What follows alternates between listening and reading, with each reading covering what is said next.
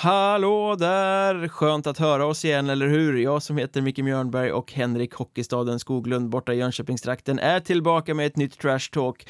Årets första, en blick på Hockeyettan och jag vet inte vad du känner men visst känns det lite ringrostigt så här när man har varit ledig och det har varit helgdagar och, och konstiga röda dagar till höger och vänster. Man är lite förvirrad.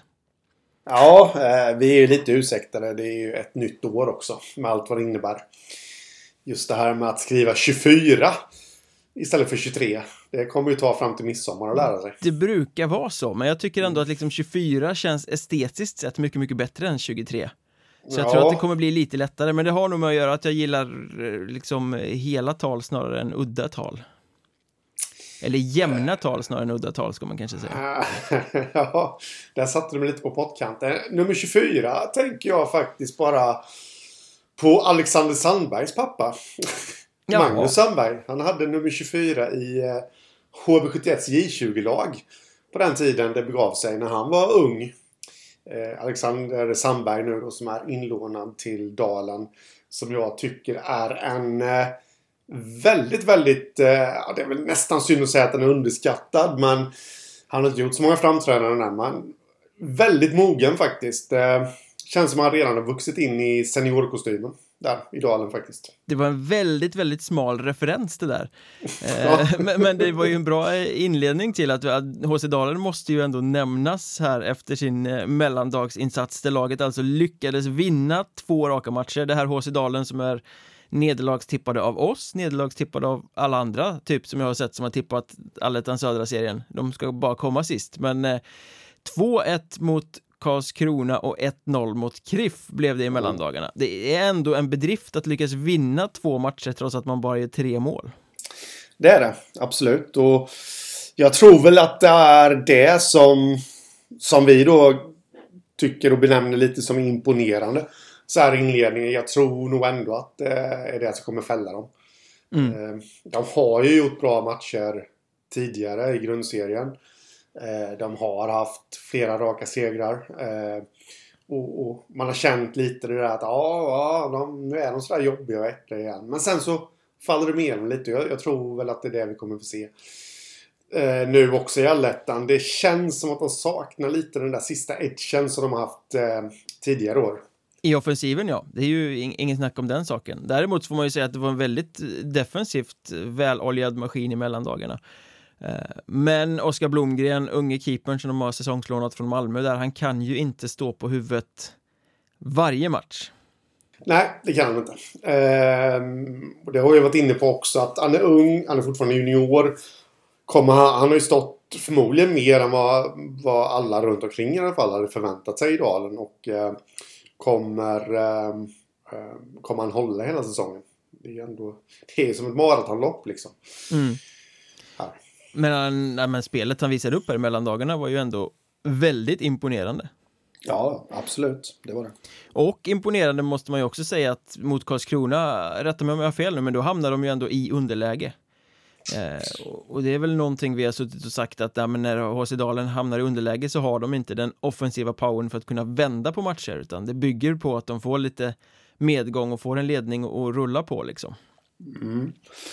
Eh, det är faktiskt eh, mer, ja de hamnade nog i underläge. Men eh, de lyckades ju kvittera innan andra perioden var slut där genom Kalle Holm. Mm. Viktigt att han kommer igång, känns det som. Ja, det är det. Han, vad jag har förstått det som, jag har pratat med lite folk där som har sett Dalen mer än, än vad jag har gjort. Så den här säsongen så, ja men han har ändå varit helt okej okay, liksom. Eh, han är ju trots allt back och, och liksom, det är inte poängleveransen ska inte ligga på honom. Men sen har man ju förväntat sig det lite då. Att han har ju, han har ju en uppsida offensivt. och eh, den vill man väl se lite mer utav. Mm. Absolut, det är den som har saknats här inledningsvis. I och för sig, vi, vi satt och tänkte det innan säsongen att ja, men Anton Johannesson har dragit till Brynäs. Kalle Holm stod och var jättebra offensivt bakom honom mm. förra säsongen. Men det är inte så lätt att bara axla en mantel sådär. Nej, det är det inte och det beror ju helt och hållet på hur laget funkar alltihopa. Jag, jag får väl för mig liksom, eller får för mig, det har man ju sett att det har ju inte varit helt friktionsfritt i Dalens spel och i prestationerna eh, under säsongen här. Och då är det inte lätt heller att som hyfsat nybakad senior. Jag vet att han gör sin andra seniorsäsong men, eh, men liksom att komma in och, och dra loket. Men, men eh, Karlskrona där då? Eh, å andra sidan, eller innan vi släpper HC Dalen helt och hållet, de här två segrarna de har tagit nu, är inte det den typen av poäng som liksom kan göra att de i slutändan undviker bottenplaceringarna? De får lite flow, de får lite självförtroende, de kanske vinner någon match extra eh, efter en sån grej. Eller det kanske var skadligt för dem att det blev ett nyårsuppehåll här. Att de ja. tappar lite eh, det flowet de hade. Eh, ja, både och flowet. Eh, jag vet inte hur det ser ut med skadorna eh, som de har. De har ju en del spelare borta på grund av skador ifall, ifall det är spelare som kan tänkas vara tillbaka eh, efter den här vilan då som de ändå haft. Och då, då går det ju lite på ett ut. Eh, men eh, äh, hugget som stucket det där faktiskt tycker jag. Men eh, premiärmotståndaren Karlskrona då? Mm. Topptippad, precis som HC Dalen är bottentippade av oss och alla så var Karlskrona topptippade av oss och alla men har då öppnat Allettan Södra med två raka nederlag trots att de på pappret hade ett ganska gynnsamt eh, program inledningsvis HC ja. Dalen borta, Halmstad Hammers hemma eh, det är ju inte matcher som ska bereda Karlskrona något större problem när de är i form Nej, det känns ju lite som att eh, det är lätt att vara efterklok här. Eh, det såg gynnsamt ut från början men, men både Dalen och Halmstad i sina stunder är ju liksom Förstår mig rätt nu? Skitlag att möta mm. för bättre lag på pappret. Svåra att dyrka upp i och med att ja. de eh, skalbaggs backar hem och eh, offrar sig hänsynslöst i försvaret. Alltså det är väldigt bra att nämna skalbaggar i samma mening som Karlskrona här. Mm. Det var det. Eh, men, men så är det. Eh... Hade inte för övrigt de tre Halmstad-supportrar som åkte till Karlskrona någon banderoll om att Anticimex är här eller något sånt där? No, Felstavat no. tror jag någon påpekade på sociala medier. ja, det är härligt när det blir så. Eh, bara en grej till innan vi, innan vi grottar ner oss i Karlskrona där. De har ju faktiskt ett skitlag kvar att möta här nu, Tranås. Mm. Jag säger det med kärlek. Eh, Phil Horsky-hockeyn Ja. Som de ska försöka dyrka upp. Visst, nu har det varit Tranås har absolut inte börjat bra. Det, har inte, det kanske inte har varit så himla mycket Phil Horsky-hockey, men jag kan ge mig tusan på att de kommer hitta det liret till Karlskrona. Ja, fast Tranås, jag vet inte om man ska säga att de har startat dåligt. De har två raka förluster, men å andra sidan, de förlorade mot ett bättre lag i Vimmerby i premiären. Där, alltså, Tranås gjorde det bra den matchen utifrån sina förutsättningar och sina resurser. Det var ju bara att de stötte på ett Vimmerby som var ett bättre lag, helt enkelt. Jo, men de är ju, samma, ja, de är ju i samma läge som Karlskrona. Lite ja, jo, jo, fast inte lika pressade. I och, att, och sen förlorade de borta mot Kristianstad. Det är ju inte heller en lätt match. Det blev en pang-pang-historia som avgjordes sent. Ja. Eh, däremot kan man ju säga att Tranås har väl inte varit försvarsstarka på samma sätt som eh, Halmstad och HC Dalen har varit. Uh, och det kanske talar till Karlskronas fördel då i kommande omgång i och med att det är ju inget snack om att det är offensiven som har fallerat för, för dem här i, i de två första matcherna. Nej, så är det. Uh, faktiskt, det, det, måste man säga. Och... Uh... Ehm, 1-2 mot Dalen och 2-3 mot Hammers ska ju då sägas. Mm. Men frågan som är värd att ställa är ju liksom, är det en tillfällighet eller är det en tendens? Jag funderar på det också. Eh, ja, jag säger som så här och diplomatiskt svar att eh, det vill till att de ändrar på det här nu annars kommer det ju bli en, eh, en tendens helt enkelt för du vet ju vad vi kommer prata om. Eh, mm. vi kommer prata om de tidigare allettorna. Eh, där det inte har gått så superbra för dem. Ja, det kan ju lätt bli ett mönster. Mm. Och det här är ju en prövning eh, mentalt framför allt. Eh, för att Karlskrona har ju inte stött på några motgångar under säsongens gång så här långt. Det, spelet fungerade från start, de har fått resultaten med sig, de har fått beröm. De har spelat bra, det har ju varit ett jättebra lag eh, under höstserien. Nu är det ju första gången, oj, favorittippade, oj, två raka förluster mot skitlag, eh, sagt med kärlek. Eh, det är lätt att man börjar tänka här. Ja, men så är det. Och de har ju pressen på sig att... Eh, det är, alltså grundserien är inte någonting värt. Eh, vi har ju berömt dem att de har gjort det jättebra alltihopa. Men det är ju nu det börjar gälla. Eh, det är ju allettan de ska prestera i och då gäller det att de gör det också. Kan det vara så att de blir straffade av sitt strikt defensiva tänk här? Vi har ju berömt Karlskrona och Magnus Sundqvist för att de har satt defensiven först verkligen fått den att fungera. Alla vet vad de ska göra på isen, alla gör jobbet fullt ut innan de börjar anfalla. Ehm, men mot HC Dalen och Halmstad som då försvarar sig heroiskt eh, Jag får lite känslan av att man har lagt så mycket fokus på defensiven att man inte riktigt har haft kraften offensivt sen att dyrka upp de här motståndarna ehm, Blir det en baksida av eh, det defensiva tänket liksom? Ja, de har ju haft kraften innan eh, Liksom i grundserien och de har ju stött på defensiva lag där med mm. Så, nej jag, jag sitter bara och tänker på en helt annan grej här. Det är ju... Det har inte blivit någon Jesper Emanuelsson-effekt. Jo, det har det. Fast i ett helt annat lag. Men det kommer vi till om ett tag. ja. Eh, det, var, det var elakt faktiskt. Eh, det var mer att jag hade ingen elak approach för detta. Utan den approachen jag hade det var ju att Ska man se honom som ett sparkapital eller hur ska man se honom i eh, Karlskrona? Det tror jag definitivt att man ska göra. Mm. Nu har inte jag sett deras matcher fullt ut här eh, helt och hållet så jag kan inte, men de har ju ställt upp till båda matcherna med honom i en lina med Viktor Krus Rydberg och Alexander Bergström. Mm. Och det sa väl jag redan i, i vårt tipsavsnitt i mellandagarna här att så borde de inte ställa upp för att de får tre killar som gillar att ha mycket puck i samma lina. Ja, jag, jag kan väl nästan ge det rätt där. Och jag håller inte med dig där och då. Men jag har sett honom i båda matcherna. Inte detaljstuderat, men jag tycker att han ser trubbig ut.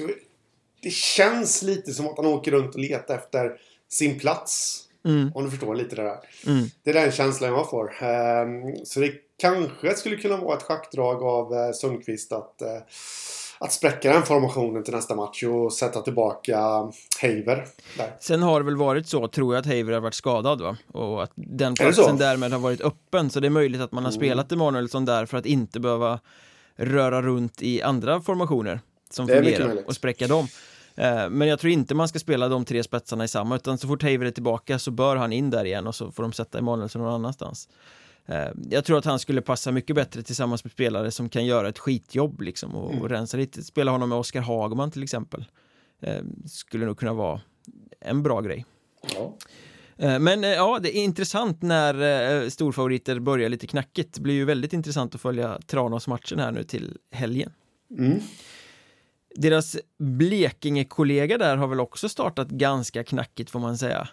Och då tänker jag på Kriff i Soft Center Arena där nere som alltså har blivit nollade fyra raka matcher. Eh, sen Sebastian Borg kallades tillbaka till Kalmar så har laget inte gjort ett enda mål. Det är ju Oj. uppseendeväckande. Man avslutade grundserien med 0-2 mot Vimmerby, 0-2 mot Hammers öppnade allettan med 0-3 mot Mariestad och 0-1 hemma mot HC Dalen. Mm. Alltså det är någon form av rekord att bli nollade fyra raka matcher tror jag. Mm, ja, det kanske det. Jag vet inte, men... Uh, nej, det...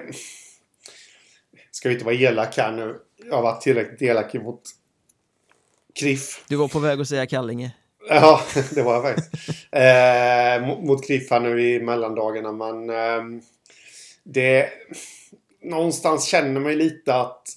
Nej. När de har visat upp det de har gjort nu, då, för oss som sitter och tittar från utsidan så känns det inte som att de är värda platsen i allettan.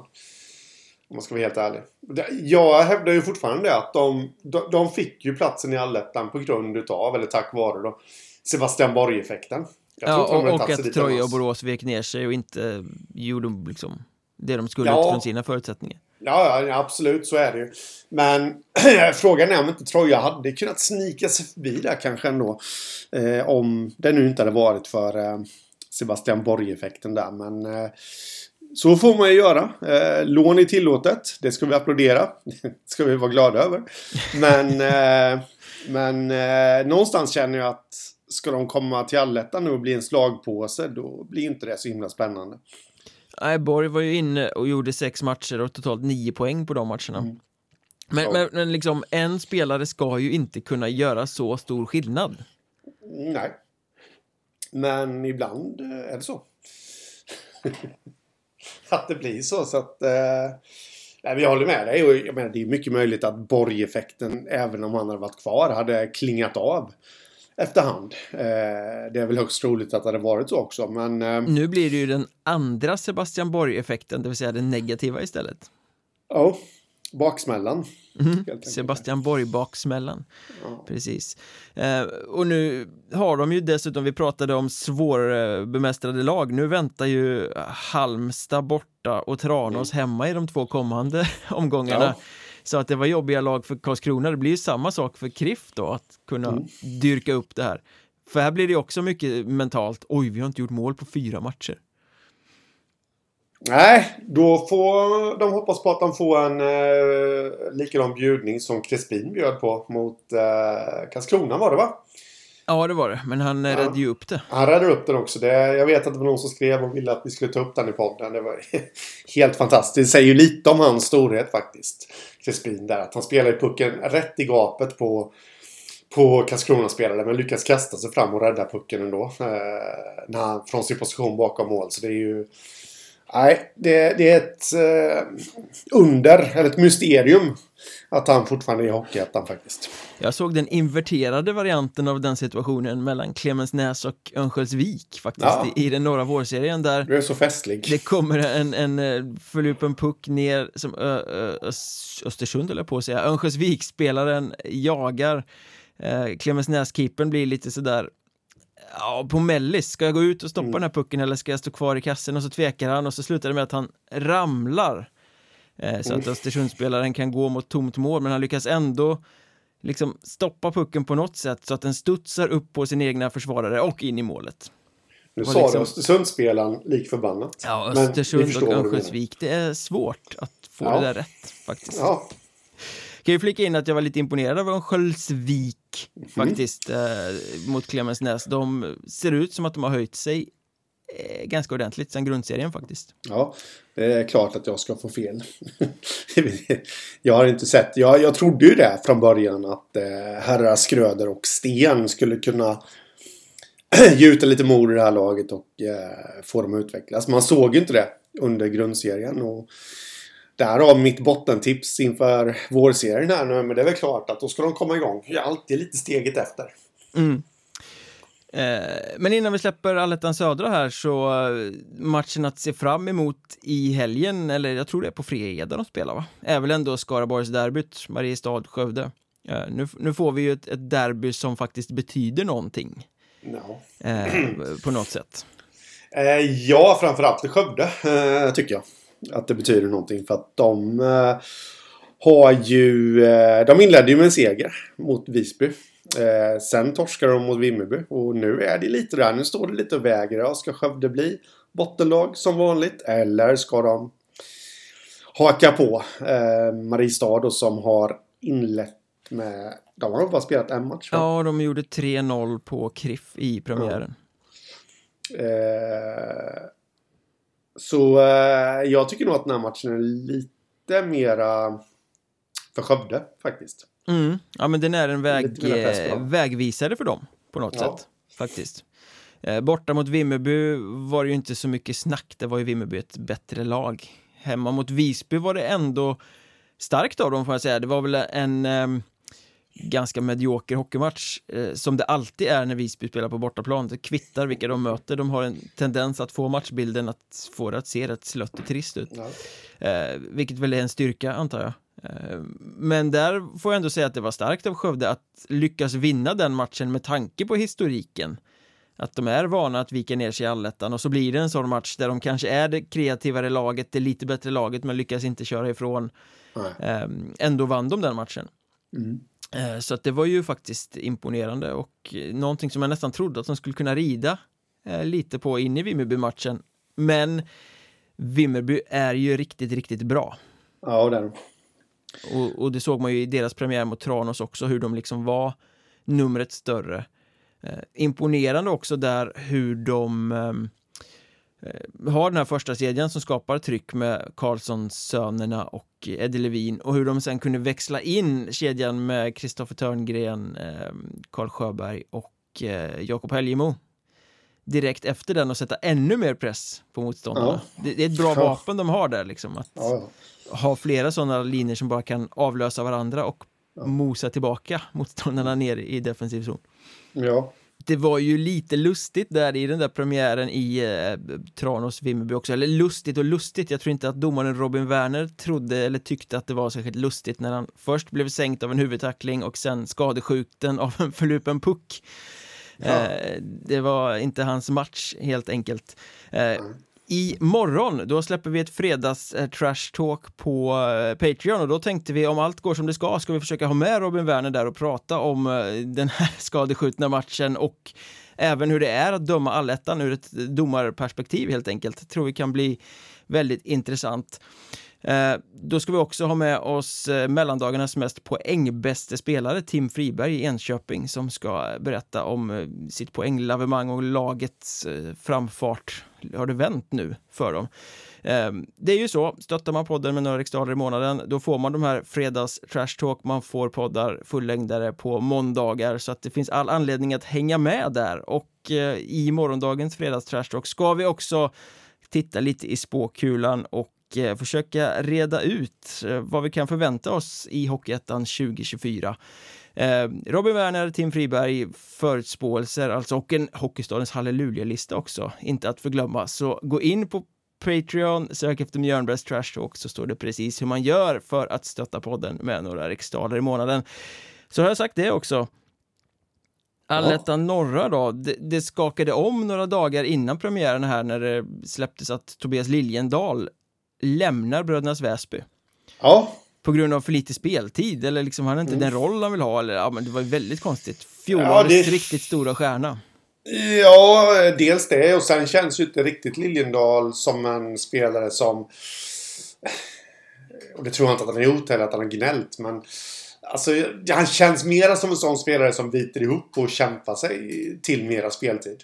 Mm. I så fall. Och jag trodde ju på något sätt att ja, kanske inte att Väsby var slutdestinationen. Eh, men i alla fall att han skulle vara där under några år och sen då kanske avrunda med lite utlandsspel och sånt där. Mm. Kändes lite för tidigt här nu att han skulle lämna.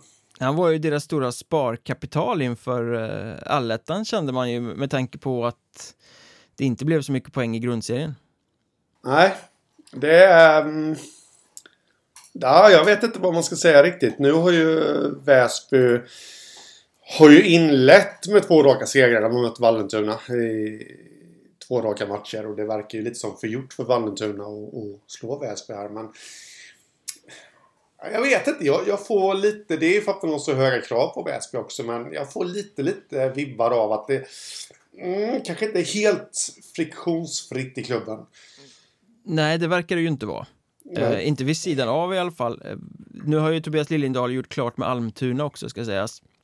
Eh, så han flyttar upp ett pinnhål. Äh, fick inte ja. till det i Väsby, ja, men då lämnar jag för en högre division istället. Ja. Det eh, blir lite komiskt. Men ambitionen i Väsby har ju hela tiden varit att förstärka forwardsidan för att få en bredd. Mm. Eh, och det har man ju gjort. Man plockade in Jeremias Liljevall, då försvann Adam Falk. Sen plockade man in Christian Holmblad, försvinner Tobias Liljendal. Så det blir ett nollsummespel hela tiden. Ja. Så att vi kommer ju kunna förvänta oss att Väsby värvar mer på forwardsidan. För det är ju ett faktum. Även om man har väldigt fina spelare så har man en trupp som inte är bred på det sättet att man kanske kan hålla till ett allsvenskt avancemang. Nej, det blir väl lite det här. De har ju lite på något sätt drabbats av överflödets förbannelse. Vi satt ju och sa det inför säsongen att eh, alltså vilka, de, de, har så här och så här många forwards. Vem ska de låna ut? Det finns ju ingen. Mm. I stort sett. Eh, det känns som att det kanske har kommit tillbaka och bitit dem lite här nu att kanske är lite för mycket stjärnor ändå.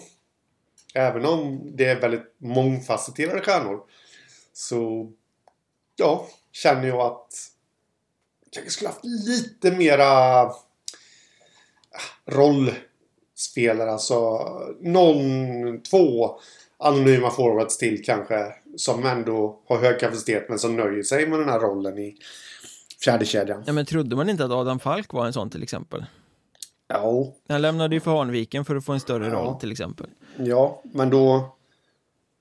Det är så svårt när man sitter på utsidan. Man trodde det, men då gäller det ju för Tom Ternström där då att scouta reda på sådana spelare som kan köpa en sån roll. Mm.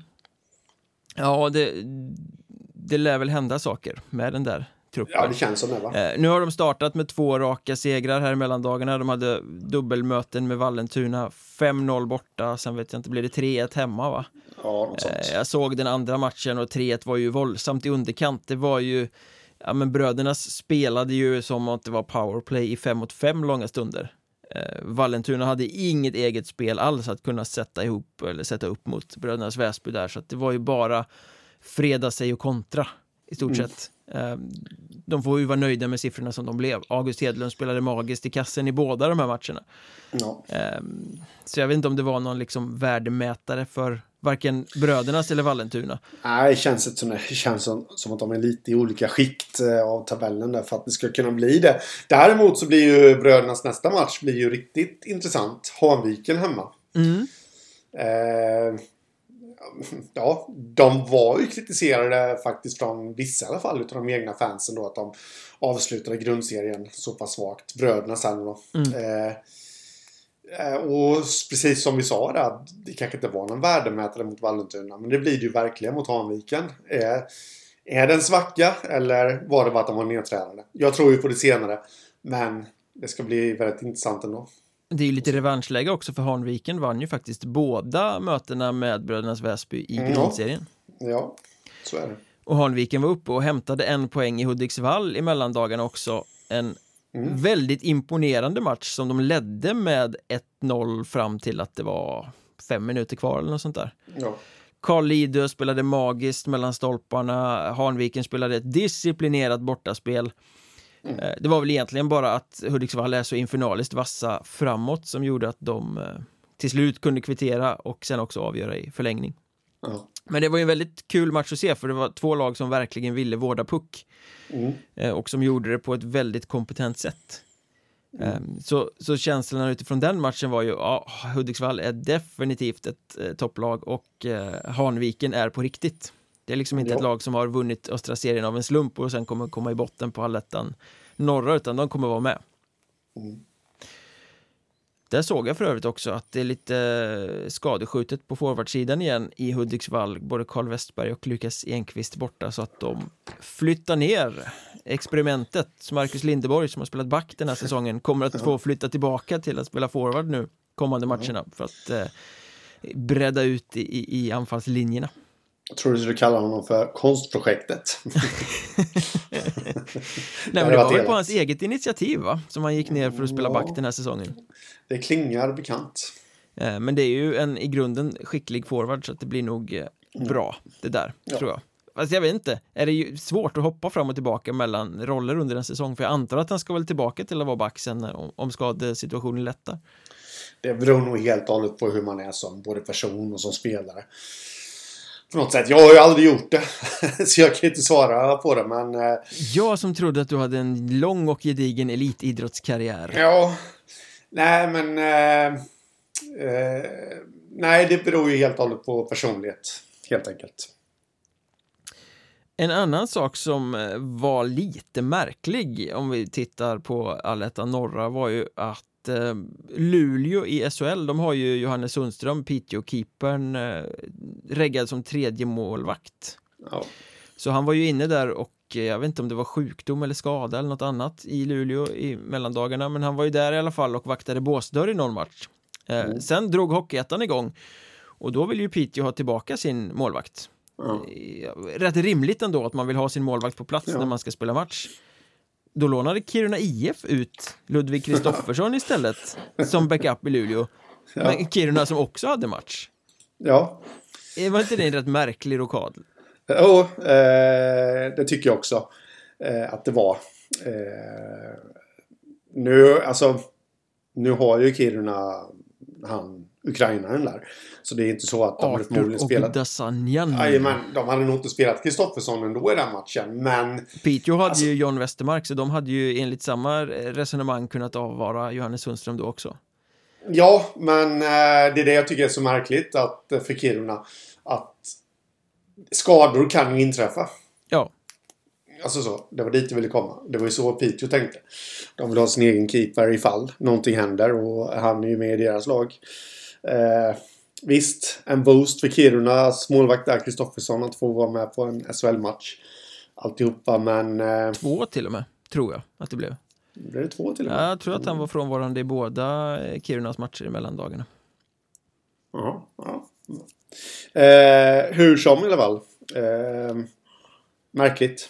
Ja, de hade inne Dennis Törmer från Kiruna City i division 2 som Mm. andra keeper istället i de här matcherna. Eh, ja, jag tycker väl att det sänder konstiga signaler. Mm. Man har ett lag för att det laget ska representera en själva, inte för att man ska vara någon sorts lydhund åt ett SHL-lag. Nej.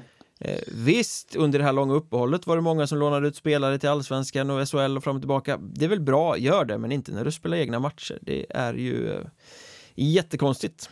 Mm. Eh, Framförallt som Kiruna vill visa att de är något. Vill vara ett etablerat eh, allettanlag och allting som, då kan man ju inte låna ut sin andra keeper när man själv spelar match. Det är ju Nej. helt, helt huvudlöst, eh, kan jag tycka. Sen blev det ju inget spel för honom såklart, utan det blev ju bara lite backup där i Luleå.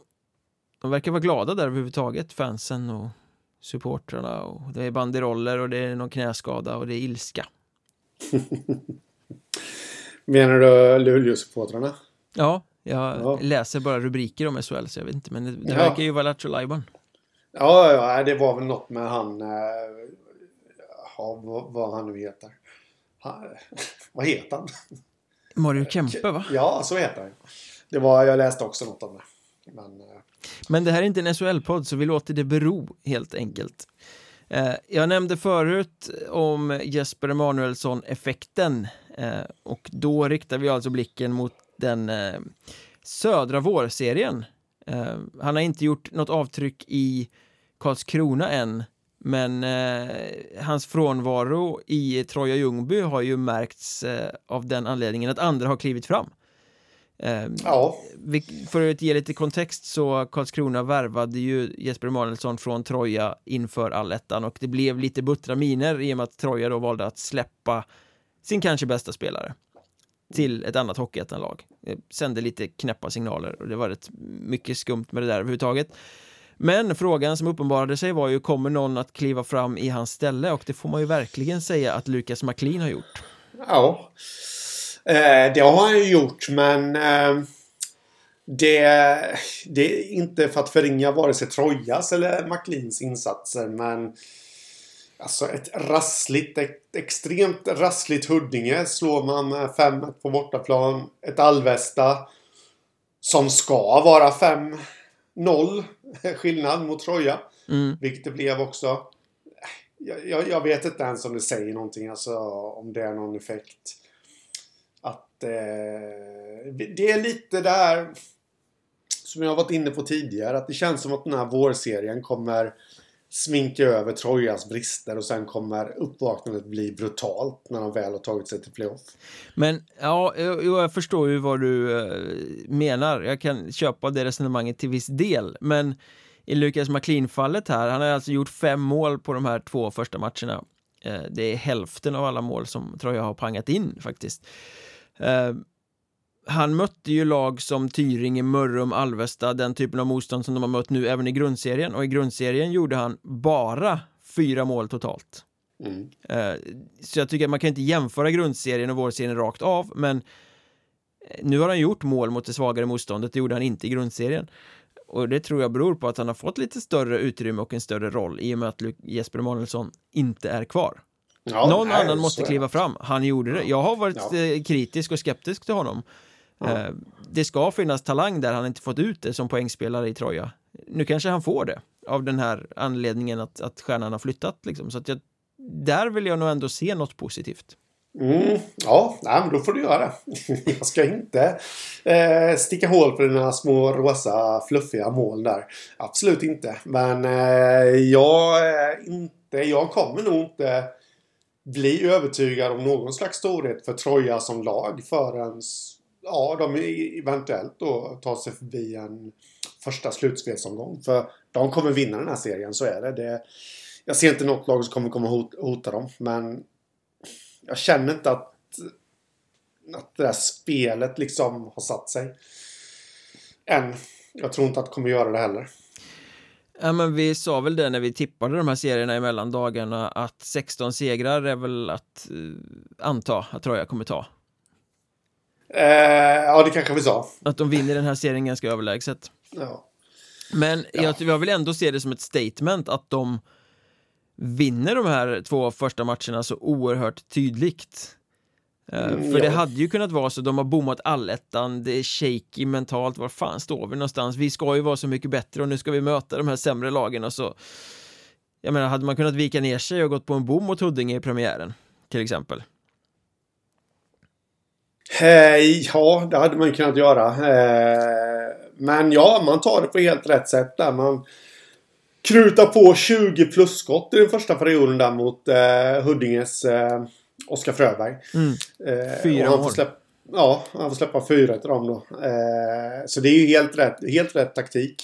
Ett, som jag sa då, rassligt Huddinge också. Det är ju perfekt att komma på bortaplan mot dem och ösa på på det sättet. Eh, så där gjorde de ju helt rätt. Men eh, när de möter tuffare lag, vilket de inte kommer göra nu under vårserien, men sen då, då kommer de inte tillåtas att ösa på på det sättet. Nej, men det kunde inte blivit en bättre start ändå. Nej, nej, nej, så är det. Men är det. Eh, jag såg inte hemmamatchen mot Alvesta, men jag har förstått att det var lite grinigt. Ja, det var väl... Eh, ja, det var ju förra året till och med, så att man har ju nästan glömt här. Men det var väl... Jag vet inte hela bilden heller, men på något sätt så hade väl Alvesta har anklagat då i tidningsartiklar Troja för att riggat lottningen eller ut, ja, utövat påverkansaktion eller något sånt där va? Ja, något sånt och då tror jag väl att Jens Gustafsson i Troja då hade kontrat med att eh, vi är en större klubb. Jag vet inte, jag ska faktiskt inte säga. Jag har glömt bort det. Eh, sen blev det ju hetsigt direkt där när eh, Otto Henell sänkte... Ja, vem var det nu? Han delade ut en huvudtackling på Ja, någon i Troja. Var Edvardsson kanske eller? Det var det ja. Jag tror jag såg någon bild på sociala medier på en väldigt stor näsa efter matchen. Ja, eh, det blödde rejält där. Och eh, jag brukar ju inte vilja ta ställning i sådana här tacklingsärenden. Jag tycker att det är så svårt. Men jag tycker nog att det var en uppgå, uppåtgående rörelse. Jag vet att Troja-kommentatorerna, eh, eller Troja-kommentatorn, nämnde någonting om att det inte verkade vara en uppåtgående rörelse i den. Men det, det, tycker jag. Jag tycker att han går uppåt och då är det helt... Han fick fyra matcher för den va? Ja, disciplinnämnden var ju enig ja. med din analys där. Så att eh, ja. fyra matcher fick han. Mm. Otto Henell avstängd alltså. Ja, nej det ingen snygg tackling. Sen tror jag absolut inte att det var medvetet så. Det, det går snabbt där ute. Men eh, ovårdat i alla fall. Eh, sen hörde jag från Troja-håll att de var lite missnöjda med att eh, Alvesta verkar tappa det lite efter att det hade runnit iväg med siffrorna, att de blev lite tjuriga och spelade lite fult och sådär. Eh, och det var väl samma visa som kom från Karlskrona-håll efter att eh, Alvesta i, var det sista matchen i grundserien eller näst sista eller något sånt där, hade delat ut några rätt, eh, inte fula kanske, men odisciplinerade smällar som skickade eh, lite Karlskrona-spelare till skadelistan. Är Nej, Alvesta ett lag som grinar till och tappar disciplinen om det går emot? Ja, jag tror ju att de vill ha... De vill inte bli sedda som det laget såklart. Men jag tror att tanken bakom det hela är att de, de, liksom, de vill sätta sig respekt. Även fast matchen har runnit iväg så vill de ändå visa att vi är här, vi är på allvar. Eh, se upp för oss i nästa match. Och sen då att det går lite överstyr.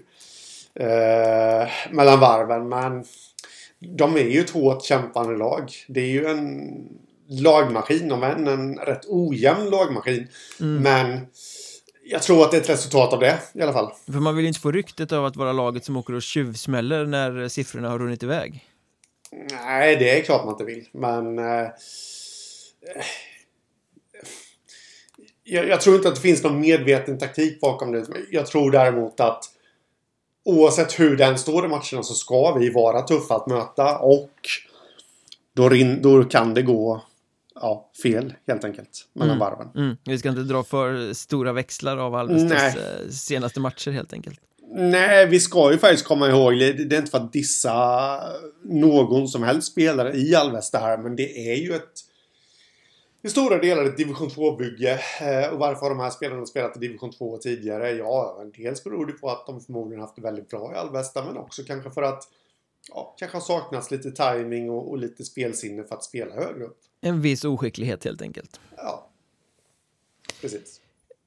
Ska man säga oskicklighet på Huddinge också? Vi var inne på de här eh, att de vek ner sig fullständigt första perioden hemma mot Troja Ljungby i premiären. Eh, sen hände samma sak igen borta mot eh, Forshaga i andra omgången.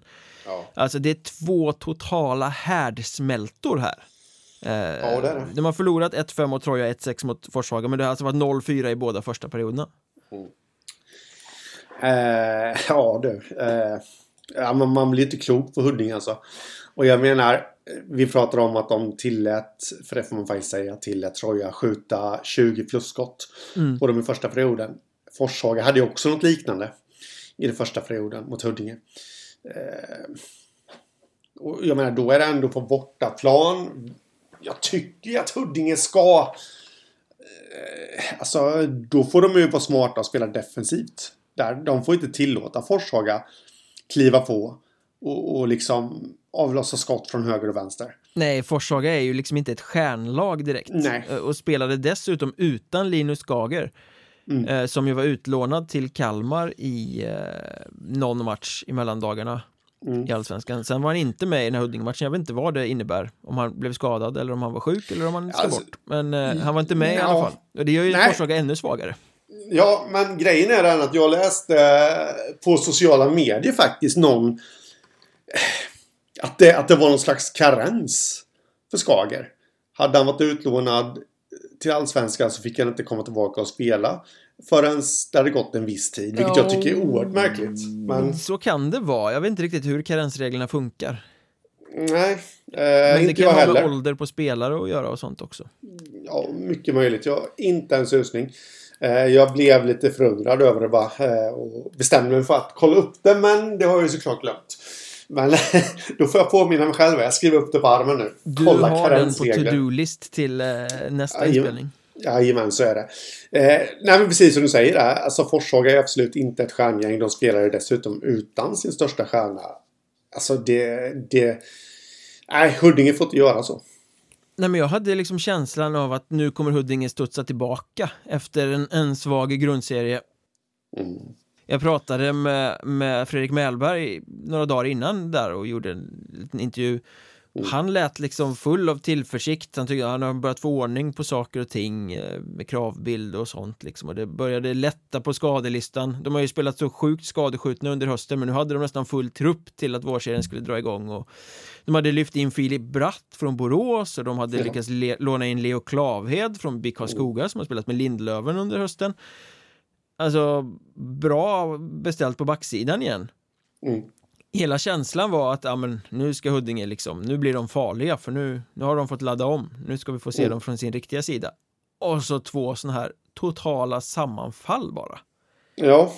Eh, så är det. Jag, jag trodde också där när de har fått in de här två nya backarna då att det skulle bli lite ordning på torpet. Men det verkar inte ha blivit. Sen vet inte jag om det behövs en viss akklimatiseringsperiod för dem också. Men, men jag vill ju hävda att de två kommande matcherna för Huddinge är extremt viktiga här nu. Eh, Linden är också inlett svagt. De har inlett precis som de inledde hösten på. Mm. Eh, för det skulle inte förvåna mig ifall Huddinge eh, får fisk emot dem också. Eh, samma sak, de har väl eh, Mjölby sen där. Mjölby som har inlett lite starkare. Det är ingen lätt match på bortaplan. Huddinge. Och eh, jag menar, klubbmärket på bröstet. Det är klart att Mjölby vill göra allt för att vinna den matchen.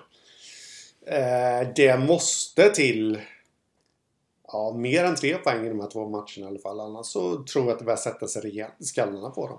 Ja, Linden är ju också som du säger en nollpoängare som dessutom har tappat flera av sina bästa spelare. Viktor Fridolfsson gick till eh, Nyköping. Mm. Eh, strax innan att det drog igång så valde ju också William Westlund, det andra Kalmarlånet, eh, att kliva av linden för att istället återvända till Segeltorp. Eh, så de är både tunna och bleka just nu. Linden, ja. där måste man ju vinna. Mm. Men frågan är vad är det som händer i Huddinge? Ja, det, eh, jag vet inte. Det ska inte kunna vara så dåligt. Nej. Jag menar, det sägs ju att den nya styrelsen som kuppades in här i somras som hellre vill satsa på ungdomsverksamheten i klubben än A-laget, att de sitter lite handfallna i situationen. Ja. Men frågan är om det är någon, någon röra vid sidan av isen som som gör att det ser ut som det gör att det liksom smittar av sig in i omklädningsrummet och ner eller jag vet inte. Alltså för de har ju ett lag för att eh, inte liksom ens sätta sig i närheten av sådana här situationer. Jag tycker att de har ett lag för att kunna spela jämnt med Troja. Även om Troja kanske gubbe för gubbe, eh, spelare för spelare är starkare så... Det finns en anledning till att jag tippade dem som tvåa i den här serien. Ja, exakt. Eh, och jag börjar nästan ångra mitt tips på femma eller sexa där. Jag hade nog velat ta dem lite längre ner här nu. Eh, det totala sammanfallet. De faller ja. ner i ett negativt kval. Ja, men jag, på något sätt så tror jag det att Ja, men jag upprepar mig från vad jag sa i våra tipspoddar här att jag tror inte på Huddinge av den enkla anledningen att, att jag tror på dem. Att man tror att nu kommer det lossna. Mm. Eh, det gjorde inte det förra säsongen. Och jag ser ing, såg inte heller någon som helst anledning till att det skulle kunna lossna den här säsongen.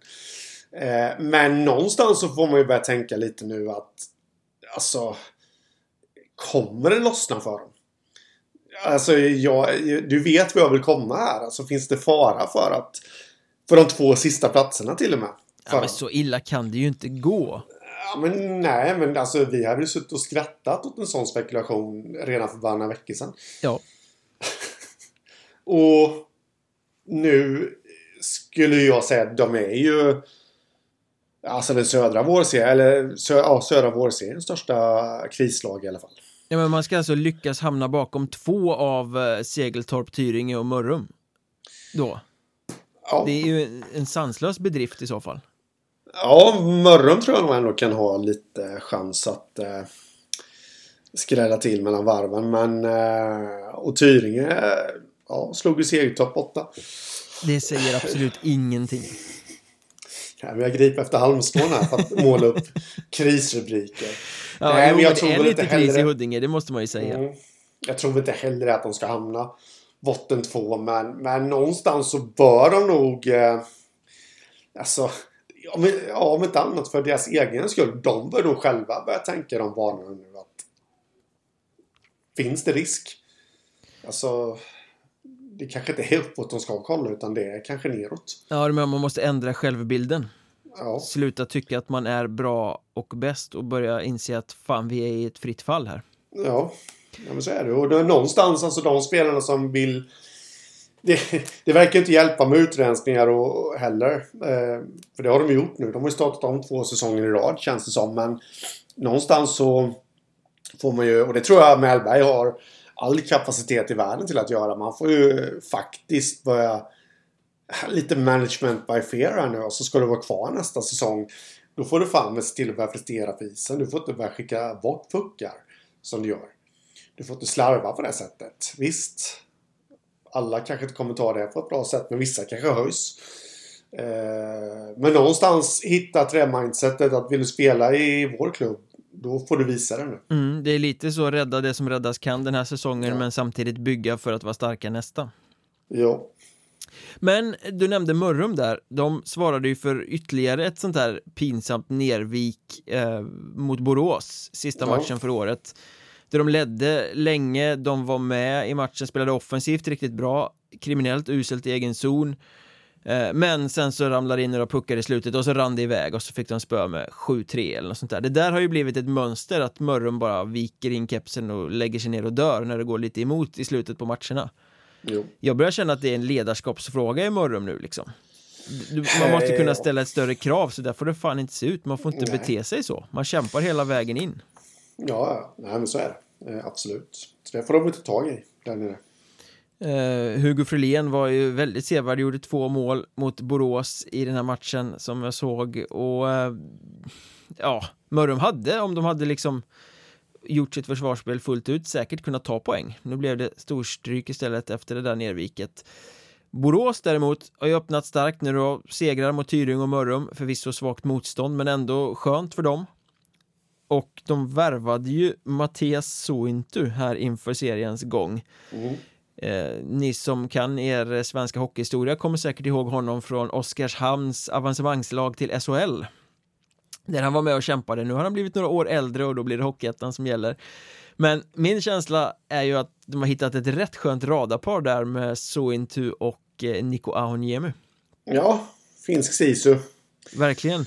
Niko Ahoniemi som gillar att gå in i skiten och göra mål eh, och Sointu som nog inte skulle skjuta ens under dödshot. Det var liksom känslan när man såg den här matchen hur han sökte passning, sökte passning, sökte passning, hittade briljant passning. Mm. Så jag menar en passningsspelare och en målskytte kan ju bli, som dessutom är från samma land och verkar ha lite kemi, det kan ju bli ja. riktigt bra för eh, Borås. Ja, absolut. Däremot har jag lite känslan, den här duon och även Nick och Jocke på backen där liksom, mm. spelar de för sig själva eller spelar de för laget? Ja, jag har inte sett Borås knappt eh, någonting här nu i vårserien så det är jag fel herre att besvara. Nej, jag tyckte att både Jocke och Arniemi tog lite sådana här personliga utvisningar, liksom en egen vendetta. Eh, och sådär. Det kan ju vara en fara för Borås om de här börjar flöjta runt på någon sorts egen, eh, egen resa. Mm. Eh, för Borås kommer ju behöva lagspelet här för att kunna hävda sig och, och bli det topplag de ska vara i, i södra vårserien. Ja. Men ett intressant radarpar i alla fall. Ja. Några sista avslutande ord om norra vårserien också. Um, vi fick ju se Surahammar göra, eh, hade vi nästan inte förväntat oss att de skulle börja damma av en massa pensionärer? Uh, ja, det hade man väl kanske gjort. Det började med att de tog Jonas Eneroth där eh, som de ju faktiskt har spelat i båda matcherna också. Och sen eh, plockade de tillbaka Anton Alin och Kristoffer Udd, två pensionerade backar. Kristoffer eh, Udd som inte fick ihop det inför den här säsongen, PGA civila situationen.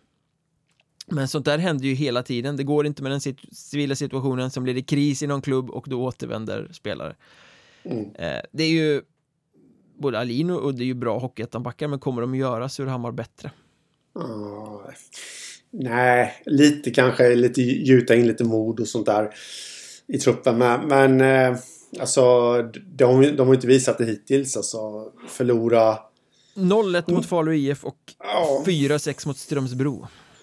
Ja, den Strömsbro säger jag inte så mycket om. Eh, Strömsbro ska ju slå eh, Surahammar. Men en sak i taget här nu. De, de, de ska ju definitivt göra mål på på eh, Falun, det tycker jag. På hemmaplan? Absolut. Ja, ja, absolut. Eh, däremot så... Eh, återigen, visan upprepar sig. De hade ju ledningen mot eh, Strömsbro. Mm.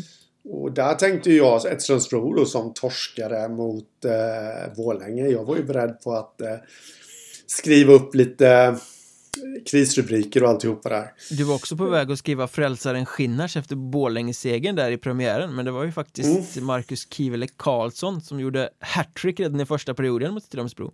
Ja. Noterade 3 plus 2 i den matchen. Mm. Men alltså de har ledningen med 4-3, 4-2. Eh, när det är liksom mindre än halva matchen kvar. Mm. Surahammar mot eh, Strömsbro det är också lite sådär, då måste man, de är ju lite som Mörrum. Mm. De måste kunna knyta ihop det. det. Det har varit så i hur många matcher som helst här nu. Den här säsongen. Men så håller det inte. Och det måste ju på något sätt vara även där en ledarskapsfråga men också liksom den mentala statusen i truppen. Hur ja, mår de egentligen? Den är ju inte särskilt hög, har ju rapporterna Nej. varit under säsongen. Nej. Men det är väl kanske där en spelare som Kristoffer Udd kan bli viktig.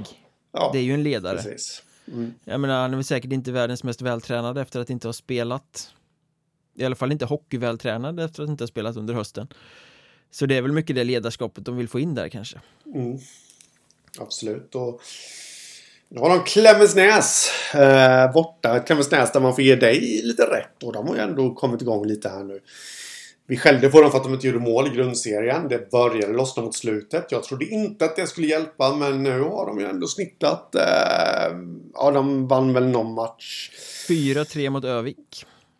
Ja, precis. Och vad hade de? De hade ju något annat mot... Eh, Kommer inte ihåg vilka de... Ja, de Torsk med förlorade mot 5-4. Kalix. Ja, just det. Ja. Eh, men de gjorde ändå mål. Det är väl på något sätt, det får de inte med sig. Ludvig Stenvall har kommit igång där på backen mot Övik i den matchen så sköt han på allt. Han var som en sån här, eh, du vet när man tränar tennis, en sån här som står Mm. Ja. och bara matar bollar mot dig. Han stod Ja. och matade puckar från blålinjen. Bara, skottmaskinen Ludvig Stenvall. Ja, Det blev ju två kassar också för honom i matchen Mm. tror jag. Ja. Eh, och vad gäller ledande spelare och eh, skjuta och göra mål så får man väl också plussa för Tim Friberg som gjorde fyra mål och tre assist på två matcher i mellandagarna när ineffektiva Enköping Mm. plötsligt gjorde 12 mål på två matcher mot Wings och var det målstarkaste laget av alla i Hockeyettan i mellandagarna.